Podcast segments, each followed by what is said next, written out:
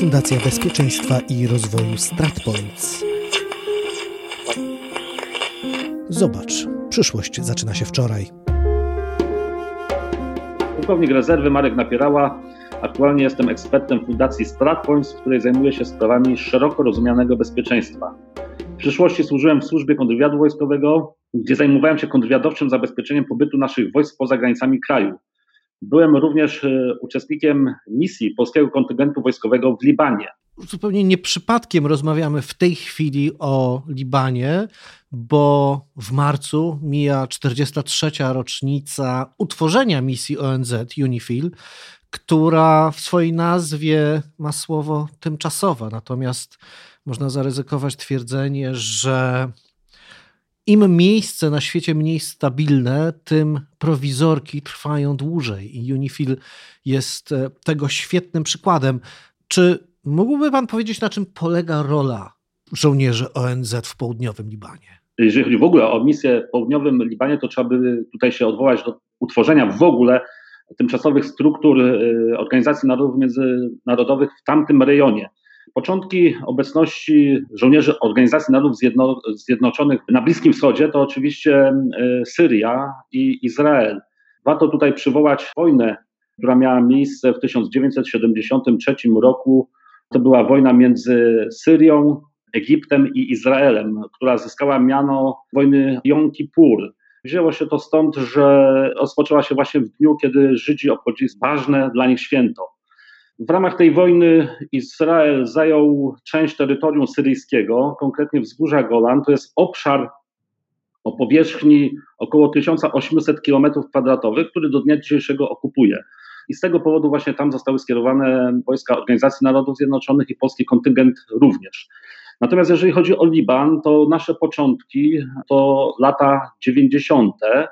Na skutek pierwszej wojny z Izraelem. Początkowo na terenie Libanu powstał kontyngent wojskowy i w ramach tego kontyngentu Polacy wysłali tam swoich medyków, to byli lekarze i pielęgniarki, którzy przetrwali w tym kontyngencie do 2005 roku, ale później, nieco później, została w ten rejon skierowana kompania inżynieryjna, której zadaniem było rozminowywanie terenu. Bo to jeszcze dodajmy, były czasy, kiedy Izrael okupował południowy Liban, tak zwaną strefę buforową i regularnie trwały tam walki między żołnierzami izraelskimi a członkami czy to Hezbollahu, czy innych e, libańskich milicji. W późniejszym okresie Polacy skierowali w tamten rejon batalion logistyczny, którego zadaniem było zaopatrywanie wojsk e, Organizacji Narodów Zjednoczonych w materiały niezbędne do funkcjonowania. Do tego batalionu w nieco późniejszym okresie dołączyła kompania techniczna, kompania remontowa, która została ulokowana w miejscowości Tybni, w przeciwieństwie do pozostałych tych elementów, które były w miejscowości Nakura. I mamy 2007 rok, kiedy to do żołnierzy polskiego kontyngentu wojskowego dołączyła kompania manewrowa złożona z żołnierzy żandarmerii wojskowej, która weszła w skład batalionu hiszpańsko-polskiego. Zadaniem e, tego batalionu, a tym samym polskiej kompanii, było monitorowanie granicy izraelsko-libańskiej, czyli tej, tej słynnej Blue Line. W 2009 roku kierownictwo MON podjęło decyzję o wycofaniu naszego wojska z rejonu Syrii i Libanu. Było to spowodowane zbyt dużym wysiłkiem naszego wojska na utrzymywanie tak dużej ilości wojska poza granicami kraju. Przypomnę tylko, że w tym czasie mieliśmy wojsko nasze na terenie Iraku i Afganistanu. W tym czasie wysiłek polskiej armii to około 5 tysięcy żołnierzy poza granicami kraju. Po przerwie kilkuletniej w 2019 roku polscy żołnierze wrócili do południowego Libanu. Tak, w 2019 roku polscy żołnierze wrócili do e, południowego Libanu w składzie 250 mniej więcej żołnierzy w ramach jednego, jednej zmiany. Zadaniem y, polskiego kontyngentu wojskowego obecnie jest ochrona ludności cywilnej, monitorowanie strefy rozgraniczenia oraz wsparcie libańskiego rządu w utrzymaniu pokoju i bezpieczeństwa zgodnie z mandatem ONZ. Tą decyzję kierownictwa MON uważam za bardzo słuszną. Jest to chyba jedna z lepszych decyzji, która miała miejsce w czasach y, y, rządów ministra Błaszczaka to nam otwiera jak gdyby okno na Bliski Wschód. Mamy możliwość monitorowania tej sytuacji właśnie tam na miejscu dzięki obecności naszych żołnierzy. Dodajmy, że wbrew częstym mniemaniom, nie jest to misja bardzo spokojna. To znaczy, na co dzień nic wielkiego się nie dzieje, natomiast trzeba pamiętać, że jest to miejsce bardzo niestabilne. Liban przeżywa teraz ogromny kryzys gospodarczy. To nie rząd Libanu ani armia libańska jest e, największą formacją zbrojną na tamtym terenie, tylko właśnie Hezbollah, a o napięciu może świadczyć fakt, że e, izraelska armia na granicy od miesięcy jest w stanie gotowości i teraz rozpoczęła wielkie manewry przez miesiąc, ćwicząc walkę właśnie z Hezbollahem na terytorium Libanu. Jeżeli chodzi w ogóle o mm, Liban, to tych problemów jest znacznie więcej, tak, niż tylko ten konflikt, w stosunku do którego byłoby się trzeba odwołać do początków państwa libańskiego, tak, i, i później powstania państwa Izrael. Powiedział pan o tym, że Pols zadaniem polskich żołnierzy jest ochrona ludności cywilnej. Natomiast przed kim tak naprawdę trzeba chronić ludność cywilną w południowym Libanie? To są przecież tereny w dużej mierze szyickie, wioski szyickie, wśród których są wioski chrześcijańskie, natomiast Hezbollah tam czuje się jak u siebie, jest u siebie. E, dokładnie tak. E, Hezbollah, czyli w tłumaczeniu partia Boga, słowo to pochodzi z Koranu. Wspominając o Libanie, nie sposób pominąć genezę i rolę Hezbollahu jako partii, ale przede wszystkim informacje o charakterze zbrojnym. To organizacja, która odgrywa znaczącą rolę w życiu społecznym i gospodarczym Libańczyków na dzień dzisiejszy. Hezbollah powstał na początku lat 80. podczas konfliktu wewnętrznego i podczas wojny izraelsko-libańskiej. Powstanie tej organizacji było skutkiem narastających nastrojów nacjonalistycznych tak, w tym rejonie. Władze Iranu wysłały do Libanu kontyngent bojowników z Korpusu Strażników Rewolucji Islamskiej, których celem było utworzenie ruchu oporu w południowym Libanie. Przy wsparciu finansowym, szkoleniowym i ideologicznym y, Iranu i przy współpracy z Syryjczykami Hezbollah prowadził działania militarne przeciwko izraelskim wojskom i armii południowego Libanu. Wywalczył swego rodzaju autonomię. Obecnie partia prowadzi politykę socjalną poprzez tworzenie wewnętrznej służby zdrowia, własnego szkolnictwa i centr y, rolnych. Środki na te cele pochodzą głównie z zewnątrz, z dużą pewnością z Iranu. Hezbollah jest traktowany przez USA i Izrael i wiele innych państw za organizację terrorystyczną. Unia Europejska jednak za organizację terrorystyczną uważa jedynie zbrojne ramię tej partii. Warto dodać, że ugrupowanie to posiada do dyspozycji czołgi, transportery opancerzone, drony bojowe, wyrzutnie pocisków i setki samochodów przystosowanych do walki. Cały ten sprzęt jest z głównie produkcji radzieckiej, irańskiej i syryjskiej, pochodzi z różnych okresów. Hezbollah podejmuje ciągłe próby ingerencji w teren Izraela. Tak? To są e, słynne wykopy czy podkopy robione pod e, Blue Line.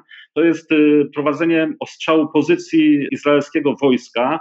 To jest naruszanie również tej nietykalności granicy. To naruszanie granicy jest tutaj ciekawostką, ponieważ rzeczywiście wysyłani są na przykład pasterze w rejon graniczny albo imigranci z Afryki, którzy są nieuzbrojeni, często pewnie nie wiedzą do końca, e, gdzie idą, a ich zadaniem jest e, przekroczenie owej niebieskiej linii. Są zatrzymywani przez Izraelczyków, którzy najczęściej po przesłuchaniu e, odsyłają ich do Libanu, bo nie ma za bardzo co z nimi zrobić. Nie są to w żaden sposób kombatanci. To są sytuacje, które się zdarzają bardzo często.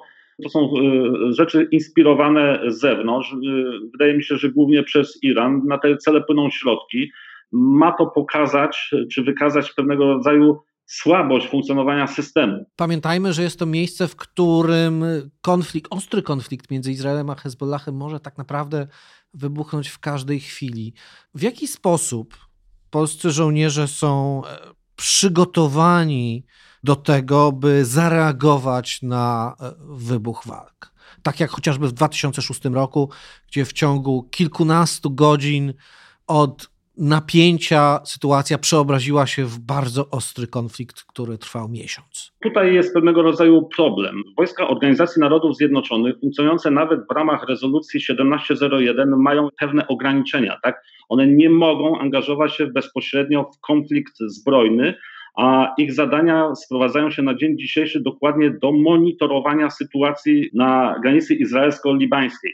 Mają też pewnego rodzaju uprawnienia. Te uprawnienia polegają na możliwości kontrolowania, przeszukiwania i zatrzymywania bojowników Hezbollahu.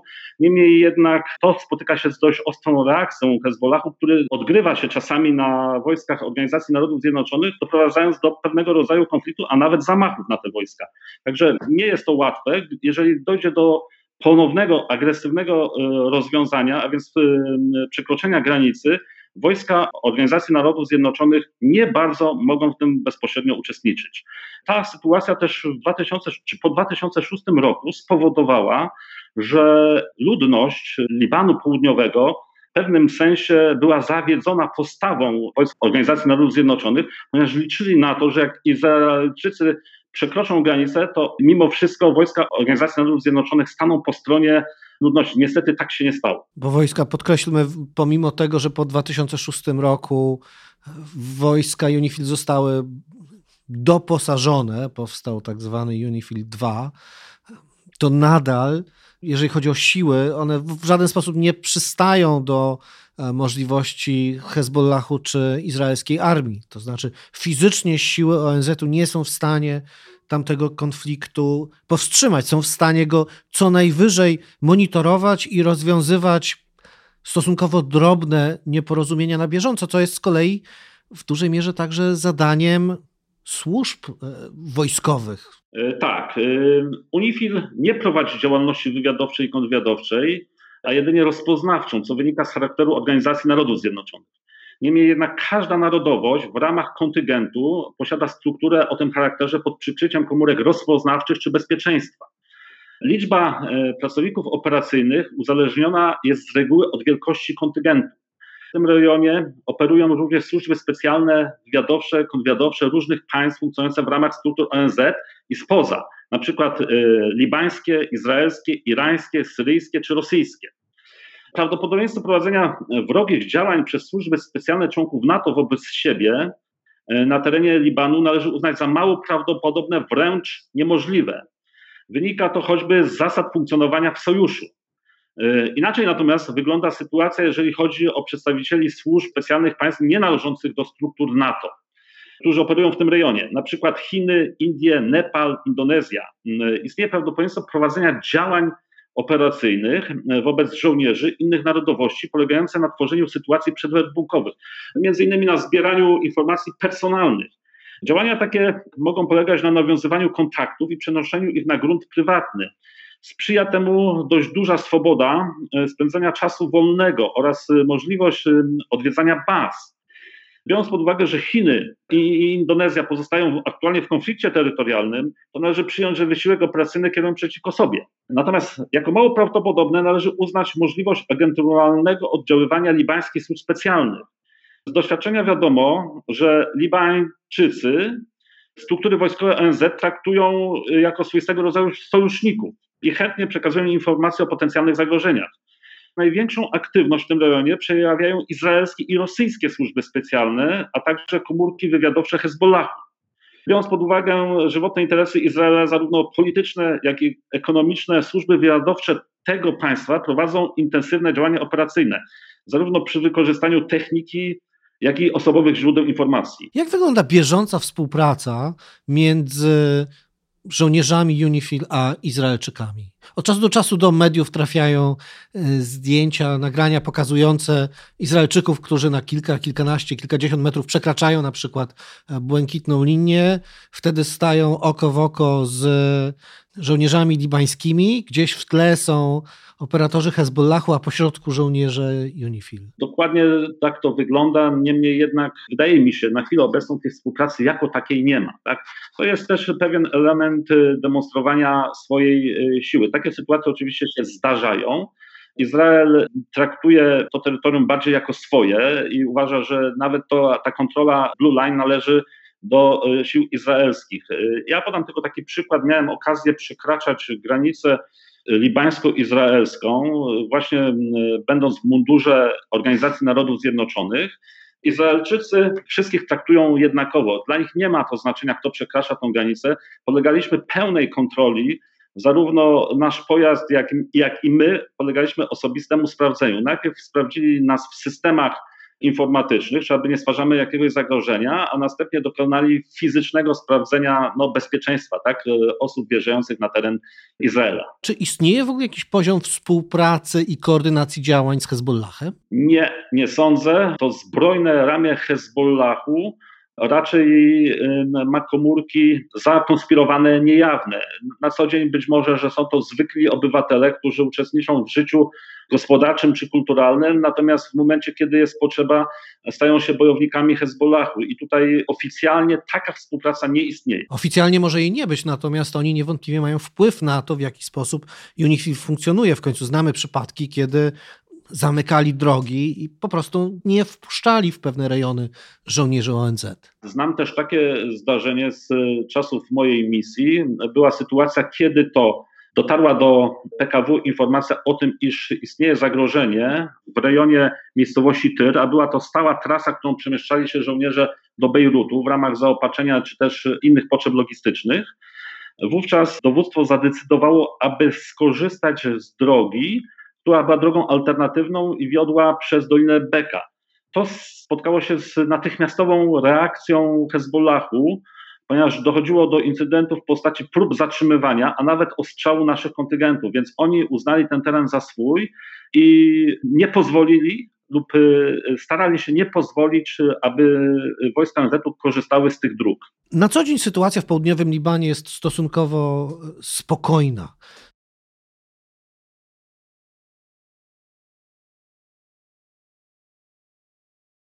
Przede wszystkim muszę tu wspomnieć, jakiego rodzaju są to niebezpieczeństwa. Tak? Dla żołnierzy jednym z takich podstawowych elementów niebezpiecznych to ten terroryzm, który również w przeszłości dotyczył żołnierzy UNIFIL-u. Do tych ataków dochodzi sporadycznie, ale, ale jednak one miały miejsce. Tak? W 2007 roku zginęło siedmiu żołnierzy hiszpańskich w zamachu przygotowanym właśnie przez Hezbollah. Miałem okazję zobaczyć to miejsce kilka chwil po ataku był to świetnie przygotowany atak bojówek Hezbollahu. Dlaczego go wykonano? Przede wszystkim dlatego, że żołnierze hiszpańscy właśnie korzystali z tego przywileju rezolucji 1701, czyli tak zwanego UNIFIL-u 2, który dawał im duże kompetencje. Dokonywali rozbrojenia bojówek Hezbollahu, no i to była pewnego rodzaju zemsta, a też sygnał do tego, aby odpuścić sobie tego typu działania ustawili samochód pułapkę, który został zdetonowany w momencie przejazdu transportera opancerzonego z hiszpańskimi żołnierzami. W wyniku tego zginęło siedmiu żołnierzy. Transporter był całkowicie rozerwany. Takie zdarzenia miały też miejsce później, bo w 2011 roku pojazd, którym poruszali się żołnierze Sił Pokojowych UNIFIL został wysadzony w powietrze w pobliżu Sydonu. Zginął jeden żołnierz włoski, a kilka osób zostało rannych. W innym ataku bombowym zostało rannych sześciu żołnierzy francuskich. Kolejnych e, pięciu żołnierzy francuskich odniosło rany w wyniku e, wybuchu przydrożnej miny właśnie w pobliżu miejscowości Tyr. Na bezpieczeństwo żołnierzy też składają się konflikty wewnętrzne. Mówię tutaj o konfliktach głównie szyitami, sunitami. Tak? Skutkują one również atakami terrorystycznymi, e, niemniej jednak one są wymierzone z reguły w ludność cywilną. Ale żołnierz polskiego kontyngentu wojskowego, czy w ogóle ONZ, ONZ-u, może być przypadkowym uczestnikiem takiego zamachu do takich zamachów z reguły dochodzi w Bejrucie. Niemniej jednak no, to jest miejsce, w którym y, Polacy czy żołnierze Organizacji Narodów Zjednoczonych bardzo często przebywają. Pewnego rodzaju zagrożenie dotyczy również uchodźców. Tak? Uchodźcy rekrutowani są wszelkich jednostek paramilitarnych i terrorystycznych. Stanowią y, również potencjalne zarzewie buntów i powstań w obozach. Tak? Do takiej sytuacji w przeszłości dochodziło. A więc obecność żołnierzy w sąsiedztwie tych obozowisk też może skutkować negatywnie. Jeszcze jedna ważna rzecz, jeżeli chodzi o żołnierzy, to zaminowany teren. On w dalszym ciągu nie został oczyszczony. Tak? Na terenie Libanu w wielu miejscach zalegają miny. Część tych pól minowych zostało oznakowanych i trwają prace związane z rozminowywaniem. Niemniej jednak część terenów nie została jeszcze do tej pory oznakowana, więc przebywanie w tym rejonie no, grozi y, szczególnym niebezpieczeństwem. No i kolejny taki chyba ostatni element, o którym można wspomnieć, no to jest biologia. No mamy dzisiaj sytuację związaną z pandemią. Wiadomo, że nie jest to kraj wysoko rozwinięty, a więc transmisja wirusa pewno tam jest znacznie większa też. To też zagrożenia związane z chorobami, które są charakterystyczne dla, dla tamtego rejonu, tak? czyli tymi, nazwijmy je, tropikalnymi. skoro pobyt polskich żołnierzy w Libanie wiąże się z jednej strony z kosztami, a z drugiej strony z pewnym ryzykiem, to po co uczestniczyć w tego rodzaju misjach? Z tego tytułu mamy pewnego rodzaju korzyści. Tak? Możemy mówić o dwóch kategoriach korzyści. Są to korzyści militarne i korzyści polityczne. Tak? Jeżeli chodzi o korzyści militarne, to jest oczywiście weryfikacja umiejętności i wiedzy nabytej przez żołnierzy, którzy mają możliwość e, skonsumowania tej wiedzy i tych umiejętności właśnie tam w terenie. Teren działań polskiego kontyngentu wojskowego jest jednocześnie swego rodzaju poligonem weryfikacyjnym. Tak? Żołnierze mogą się sprawdzić w takich e, umiejętnościach jak prowadzenie obserwacji, jak prowadzenie rozpoznania czy posługiwanie się bronią. Druga korzyść militarna to możliwość prowadzenia monitoringu sytuacji geopolitycznej na miejscu. Bezpośredni wgląd w sytuację na Bliskim Wschodzie mamy dzięki temu, mamy dostęp do wiedzy i meldunków sporządzanych przez komórki rozpoznawcze kwatery głównej UNIFIL. Mamy też korzyści polityczne, a więc jest to budowanie relacji z innymi członkami misji, budowanie autorytetu żołnierzy poprzez podkreślanie udziału sił zbrojnych RP w umacnianiu y, pokoju na świecie. Mamy też lepsze stosunki z administracją Libanu. Jest to możliwość też prowadzenia działalności gospodarczej na kierunku libańskim. W przeszłości taka działalność miała miejsce i myślę, że powinna być kontynuowana, a więc y, sprzedaż broni i amunicji, która wychodzi z użytkowania w Wojsku Polskim. Jest to świetny rynek, ponieważ armia libańska, jak już wcześniej wspomniałem, jest słabo wyposażona, i potrzebuje różnego rodzaju wsparcia. I do tego wszystkiego dochodzą sytuacje kompletnie nieprzewidziane. Ostatnim incydentem w którym żołnierze UNIFIL zostali ranni, była eksplozja w porcie w Bejrucie 4 sierpnia 2020 roku, kiedy rannych zostało 21 członków załogi korwety z Bangladeszu, która wspiera działania UNIFIL-u. Na szczęście zamachy terrorystyczne od lat już nie są kierowane przeciwko żołnierzom UNIFIL-u i oby jak najdłużej tak pozostało, chociaż sytuacja jest cały czas bardzo, bardzo napięta, o czym świadczą trwające w Izraelu ćwiczenia, zaangażowanie Hezbollahu w wojnę domową w Syrii i groźba cały czas istniejąca rozlania się na Liban konfliktu pomiędzy Izraelczykami a Irańczykami, który toczy się na terenie Syrii. Dziękuję bardzo, mówił ekspert Fundacji StratPoints, pułkownik rezerwy Marek Napierała. Dziękuję. Fundacja Bezpieczeństwa i Rozwoju StratPoints. Podcast zrealizowany we współpracy z Free Range Productions.